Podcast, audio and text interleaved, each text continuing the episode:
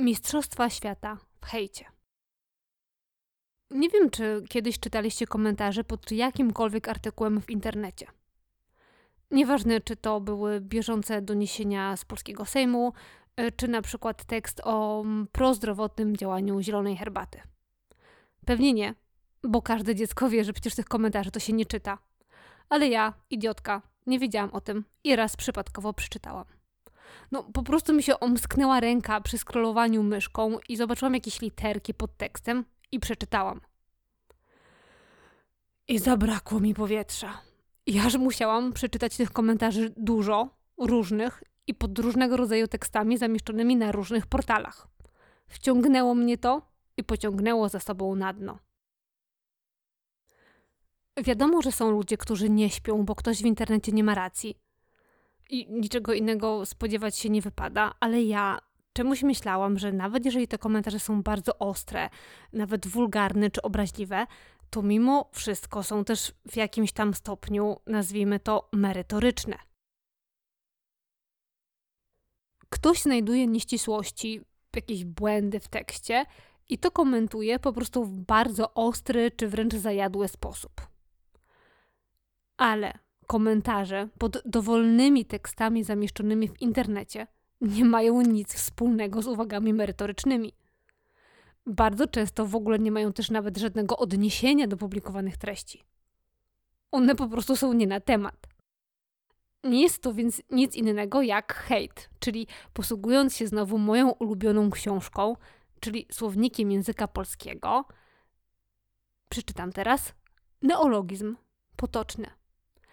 Obraźliwy lub pełen agresji komentarz zamieszczony w internecie lub drugie znaczenie działanie w internecie przejawiające złość, wrogość, nienawiść wobec kogoś. Ja w ogóle to chyba w każdym odcinku będę Wam czytać trochę słownika. W tym momencie akurat bardzo się cieszę, że słownik języka polskiego jest taki na czasie.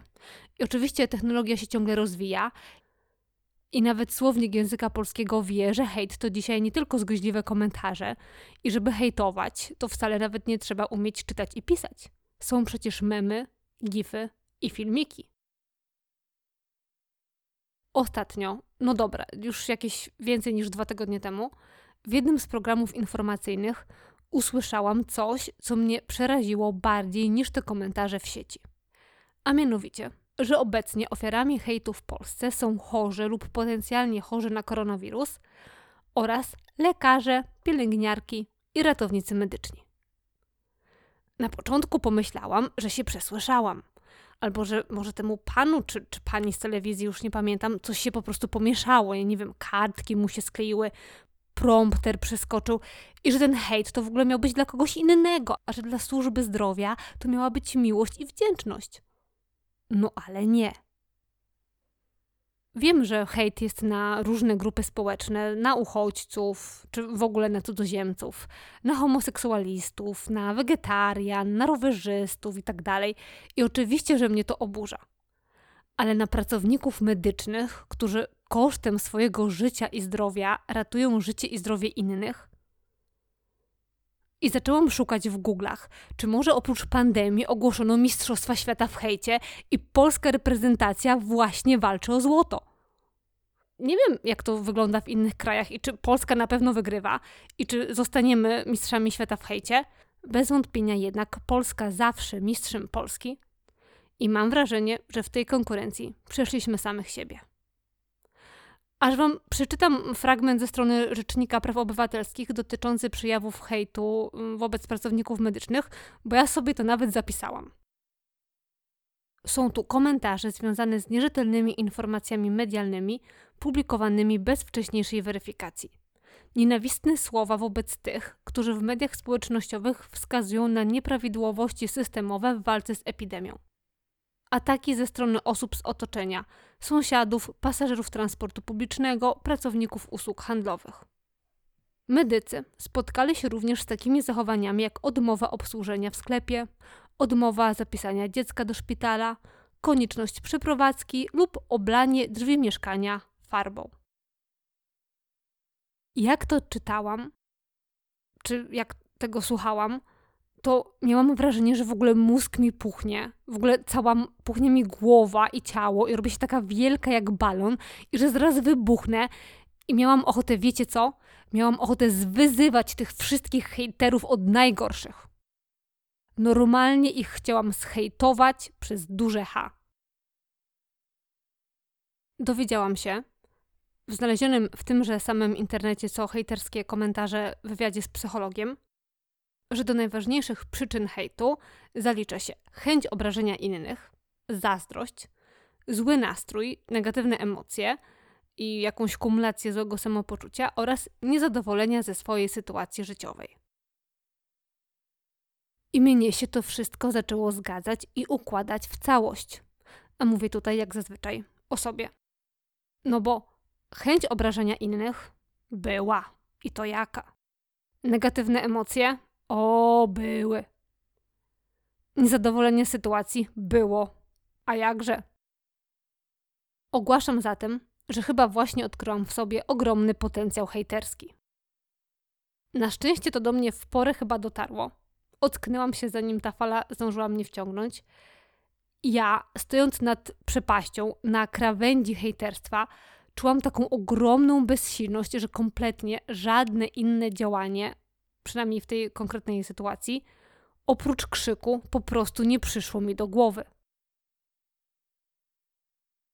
Zastanawiałam się, czy hejterzy czują to samo co ja, słuchając o hejcie na pracowników medycznych, tuż zanim wyrzucą z siebie ten worek nienawiści, poniżenia, wyzwisk. Pomyślałam sobie, że jeżeli tak, to ja im w ogóle nawet współczuję. Ale pomyliłam się. Nie pierwszy, nie ostatni raz w życiu. Bo szwajcarscy naukowcy zbadali, że w sytuacji hejtowania aktywne w mózgu jest jądro ogoniaste, w ogóle fantastyczna nazwa, tak między nami. Ale to jest część tak zwanego układu nagrody. To znaczy, że hejtowanie przynosi hejterom przyjemne emocje, na przykład euforię, ulgę i poczucie sprawiedliwości. Ponieważ ja się na tym wszystkim nie znam, a skoro się nie znam, to się wypowiem, stworzyłam własną teorię. Rzecz jasna, nie jest to teoria poparta żadnymi badaniami naukowymi ani eksperymentami, ale stwierdzam w niej, że każdy z nas ma w sobie swojego małego, a niektórzy może nawet dużego, prywatnego hejtera. Część z Was, odchodząc od okienka w kiosku, pomyślała sobie, ba, nawet powiedziała po cichu do siebie: No co za przybrzydła jakaś e, tutaj lampucera, jaka niemiła, ja już nigdy w ogóle nic w tym kiosku nie kupię. Albo co za palant w ogóle, co, co za idiota się w ogóle przede mną wepchnął i, i staranował mnie w drzwiach do tramwaju. I to też, moi drodzy, nie jest konstruktywna krytyka czyjegoś nieuprzejmego i niekulturalnego zachowania. Oczywiście mamy prawo do wyrażenia swojej opinii, ale yy, każdy czuje, że wypowiedzi ja nie jestem zadowolona z poziomu obsługi klienta w tym kiosku oraz co za wredna lempucera, ja już tam nigdy nic nie kupię, to są jednak inne komunikaty. I na pewno nie powinno się nikogo w ten sposób obrażać, i to też nie jest w porządku. I tych naszych małych wewnętrznych hejterów też trzeba neutralizować. Mimo wszystko, różnica pomiędzy pomyśleniem czy mruknięciem do siebie, a oblewaniem kiosku farbą albo wypisywaniem na jego ścianie przekleństw, to jest jednak yy, duża. To jest po prostu zupełnie inny kaliber. I ta różnica nie jest tylko taka jak pomiędzy rodzajami własności, czyli że mamy hejt e, publiczny i nazwijmy go taki prywatny na użytek tego podcastu. Szczególnie jeżeli weźmiemy pod uwagę skalę dostępności i zasięg tak zwanej szkody. Jeżeli publikujemy pełne gniewu i wywołujące nieprzyjemne emocje komunikaty w internecie, to te nasze komentarze zostaną odebrane przez znaczną ilość osób – nawet jeżeli przeczytają je niechcący, czyli tak jak ja. A przede wszystkim one dotkną osobę, na którą ten hejt wylaliśmy. Rzecz jasna, najbardziej cierpią ci zhejtowani, czyli ofiary. Czytanie na własny temat takich opinii bardzo źle wpływa na poczucie wartości wielu osób. Ten hejt wlewa się w żyły jak jakaś trucizna i zatruwa cały organizm I to może powodować naprawdę przeróżne reakcje. To może być wycofanie, stres, albo w ogóle mnóstwo bardzo poważnych problemów zdrowotnych czy psychicznych. Na szczęście dużo mówi się o tym, jak sobie z hejtem radzić, i ja dzisiaj o tym mówić nie będę. Zaczęłam się jednak zastanawiać nad czymś zupełnie innym. Czy z hejtu może być coś dobrego? Oczywiście ja mam nadzieję, że kiedyś jako ludzkość wyewoluujemy tak, że w ogóle go nie będzie, no ale ja na pewno tego nie dożyję. Więc skoro już ten hejt jest i skoro przynosi korzyści hejterom, to czy my też możemy coś z niego mieć? Może to trochę zabrzmi jak szukanie perły w gównie. I tak też jest. Więc poszukajmy tej perły razem. Moim zdaniem warto się przyjrzeć temu, co hejt mówi o nas samych, zarówno o hejterach, jak i hejtowanych. W pierwszej kolejności mówi on dla mnie o tym, że każdy z nas jest zdolny do zła. I że hejter to nie jest jakiś pozbawiony uczuć typ spod ciemnej gwiazdy. O tym samym mówią też eksperymenty psychologów. Pewnie część z Was słyszała o badaniach Zimbardo i Miligrama, zresztą bardzo kontrowersyjnych, zarówno badaniach, jak i yy, samych badaczach. Moja przyjaciółka przeczytała o nich dopiero ostatnio i była, nie, nie wiem jak to określić, yy, jak do końca nazwać to uczucie, to było takie załamanie pomieszane z przerażeniem. Zimbardo jest twórcą stanfordzkiego eksperymentu więziennego, w którym badani mieli wcielić się w rolę więźniów oraz strażników.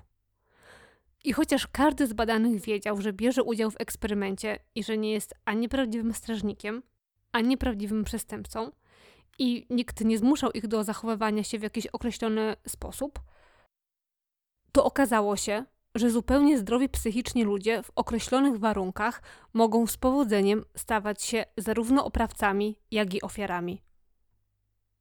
Strażnicy, w cudzysłowie, zaczęli okazywać okrucieństwo, a więźniowie w ciągu kilku dni przeszli przez etap buntu, załamania, poddania się i uległości.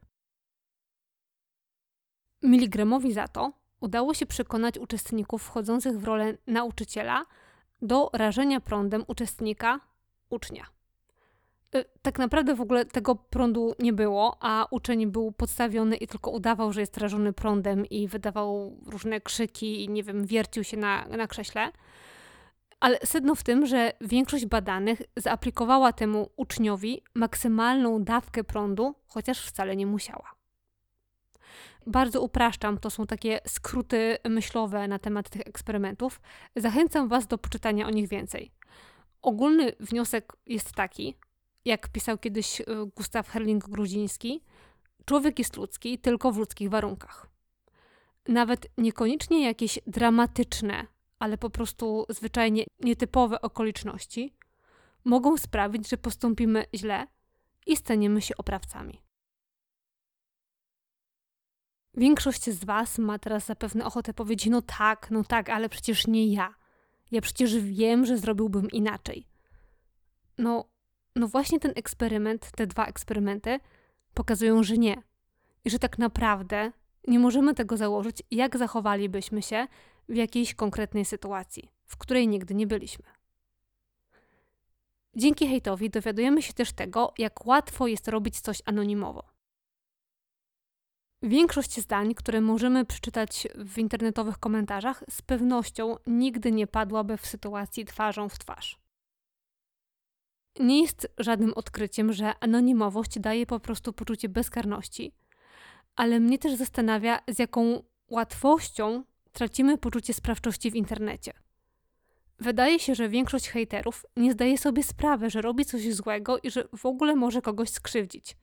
Przecież oni nic nie robią. Oni tylko, zazwyczaj przynajmniej, piszą komentarz w internecie. Przecież to, to nie jest w prawdziwym świecie. I trudno im zrozumieć, że zło i krzywda są jak najbardziej prawdziwe. Jak to pięknie ujął jeden z psychologów nowych technologii, cyfrowa krzywda boli analogowo. To też świetnie pokazuje, jak niebezpiecznym medium może być internet i jak rozmywa naszą rzeczywistość i jej granice. Czy coś w internecie to jest to samo, co coś naprawdę? Jaka jest w ogóle relacja pomiędzy tymi pojęciami? To jest pewnie pytanie dla filozofów, socjologów i psychologów. Może oni to już wszystko w ogóle mają rozkminione, tylko ja chciałabym wynaleźć koło od nowa. Ja nie wiem, ale chciałabym, żeby ktoś mnie i też innym to wytłumaczył, albo przynajmniej, żeby rzeczowo o tym ze mną pogadał. This would be nice. Dzięki hejtowi dowiadujemy się też, że zazdrościmy. Przygotowując się do tego podcastu, odkryłam, że nie rozumiałam słowa zazdrość. I że zazdrość to jest tylko o konkretną osobę, jej uczucia i uwagę, czyli na przykład o rodzica albo chłopaka, dziewczynę czy męża. A jeżeli to dotyczy czegoś, co ktoś inny posiada, typu dom, samochód, e, lepsze zarobki, jakaś władza albo więcej lajków na fejsie, to jest zawiść. Zatem my nie zazdrościmy, tylko chyba zawiścimy. Najwięcej hejtu spada przecież na osoby znane, takie, którym, o których można powiedzieć, że powiodło się w życiu. Każdy zazdrości, przepraszam, zawiści, tylko raczej się do tego nie przyznajemy. Albo nie pamiętamy, że na przykład w przedszkolu y, pobiliśmy się z Maćkiem o zabawkę. Albo że nasza przyjaźń skończyła się w liceum z powodu bardzo przystojnego chłopaka albo że na przykład było nam bardzo źle, bo nie należeliśmy do jakiejś grupy, na przykład najlepszych uczniów w szkole, albo bardzo chcieliśmy być w kole gospodyń wiejskich, ale nas nie przyjęli. Zawieścimy też nie tylko znanym, ale też osobom z naszego otoczenia, takim podobnym do nas, ale które mają czegoś więcej albo coś mają lepiej. To jest, powiem delikatnie, bardzo nierozsądnie próbować jakoś zniszczyć albo umniejszyć osiągnięcia danej osoby. I czy nie o wiele bardziej skutecznym rozwiązaniem byłoby popracowanie nad samym sobą? No bo skoro tak bardzo czegoś chcemy, to czemu się bardziej nie postaramy? Ja rozumiem, że nie zawsze się da i że nie na wszystko mamy wpływ. Ja naprawdę to bardzo dobrze rozumiem, ale myślę, że w kontekście posiadania rzeczy materialnych czy niektórych osiągnięć, często chcieć, to jednak móc.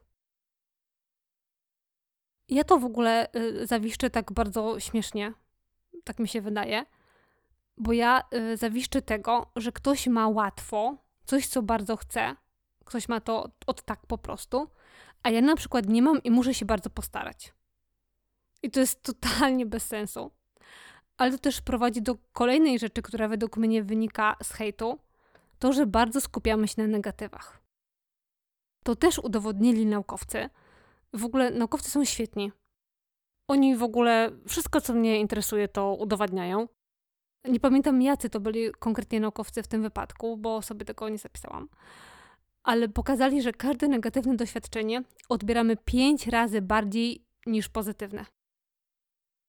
Czyli na przykład utratę 100 zł przeżyjemy znacznie mocniej czy silniej niż wygranie w totolotka tych samych 100 złotych. I ja też czasem nie myślę o tych pięciu innych rzeczach, które ja mam łatwiej. Ja myślę o tej jednej, którą ja mam trudniej. I to jest strasznie smutne, bo jeżeli przydarzy mi się pięć miłych rzeczy i jedna zła, to ja prawdopodobnie zapomnę te pięć dobrych, a ta jedna zła gdzieś tam zostanie i się przebije. Nasz mózg, nasza pamięć w ten sposób działa.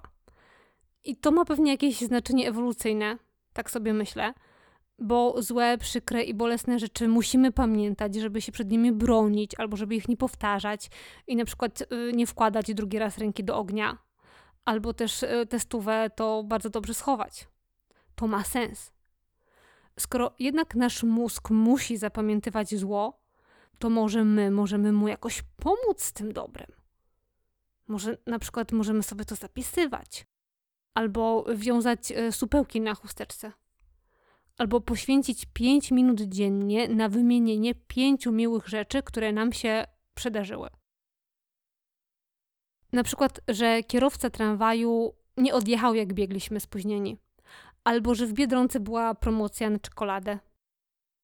Jeżeli ktoś zna jakieś łatwe i niewymagające czasu sposoby na zauważanie i zapamiętywanie miłych i pozytywnych rzeczy, to ja bardzo proszę o pilny kontakt. Hejterstwo mówi nam jeszcze o tym, czego się boimy. Ofiarami hejtu są zwykle przedstawiciele jakiejś konkretnej grupy. W tym najbardziej oburzającym mnie wypadku lekarze i pracownicy medyczni. I oni padli ofiarą hejtu, dlatego, bo ludzie bali się choroby i możliwości jej rozprzestrzenienia. W tych internetowych analizach mózgów i zachowań hejterów brakowało mi jednak jednego z dwóch bardzo silnych uczuć, które często decydują o naszym zachowaniu, bo oprócz strachu mamy też wspomniane przeze mnie poczucie bezsilności. I też nie od dzisiaj wiadomo, że najlepszą formą obrony jest atak. Dlatego chyba w tym momencie, kiedy mnie to, co usłyszałam w mediach, jakoś tam przerosło, dotknęło i oburzyło i w ogóle zawładnęło na kilka mikrosekund moim światem, to jedyne, co chciałam zrobić, to jakoś zaatakować tego mojego wyimaginowanego przeciwnika w najdotkliwszy, jak mi się wtedy wydawało, sposób. Boimy się tego, czego nie znamy, nie rozumiemy, wobec czego nie potrafimy przeciwdziałać, tego, co przynajmniej w naszym wyobrażeniu stanowi dla nas zagrożenie. Zakładam, że w umyśle hejtera osoby ratujące życie stanowiły zarówno zagrożenie. I powiem to jeszcze raz, ja hejtu nie usprawiedliwiam. A te trudne uczucia prowadzą nas do następnej rzeczy, której możemy się o nas samych przy okazji dowiedzieć. To znaczy tego, że nie potrafimy wyrażać uczuć to chyba zostanie jakimś jednym z leitmotivów mojego podcastu, to, że czegoś bardzo ważnego w życiu z jakiegoś powodu nikt nas nie nauczył. Bo było w szkole o poprawnym językowo wyrażaniu się i o wyrażeniach przyimkowych i nawet o wyrażeniach algebraicznych, ale o wyrażaniu uczuć znowu nic. To, że my się jakoś w ogóle emocjonalnie komunikujemy z innymi ludźmi, zawdzięczamy przede wszystkim naszym wrodzonym zdolnościom, a z tym bywa różnie.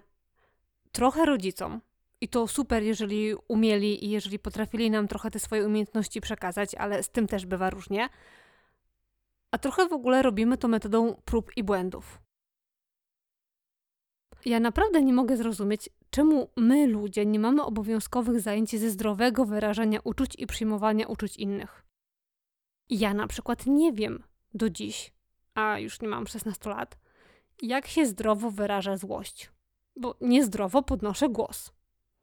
A na przykład ktoś miażdży kogoś w internecie. I nie umiemy też często nie tylko zdrowo, bez krzywdy dla innych, wyrażać nieprzyjemnych emocji, takich jak gniew, yy, zniechęcenie, smutek, lęk, niepewność, w ogóle ta cała gama, ale my też często nie umiemy wyrażać tych pozytywnych, jakoś głupio tak chwalić i komplementować kogoś co chwilę. Mam wielkie szczęście, że trafiłam w swoim życiu na wiele osób, które to potrafią i robią. Ale znam też takich, którym pochwała nigdy w życiu nie przeszła przez gardło. Także może przy okazji kolejnej pandemii czy jakiegoś innego zagrożenia, innej katastrofy, zamiast Mistrzostw Świata w hejcie, urządźmy sobie konkurs komplementowania i wyrażania pozytywnych emocji. Co? To był siódmy odcinek podcastu Nie do powiedzenia, nie do pomyślenia o Mistrzostwach Świata w hejcie.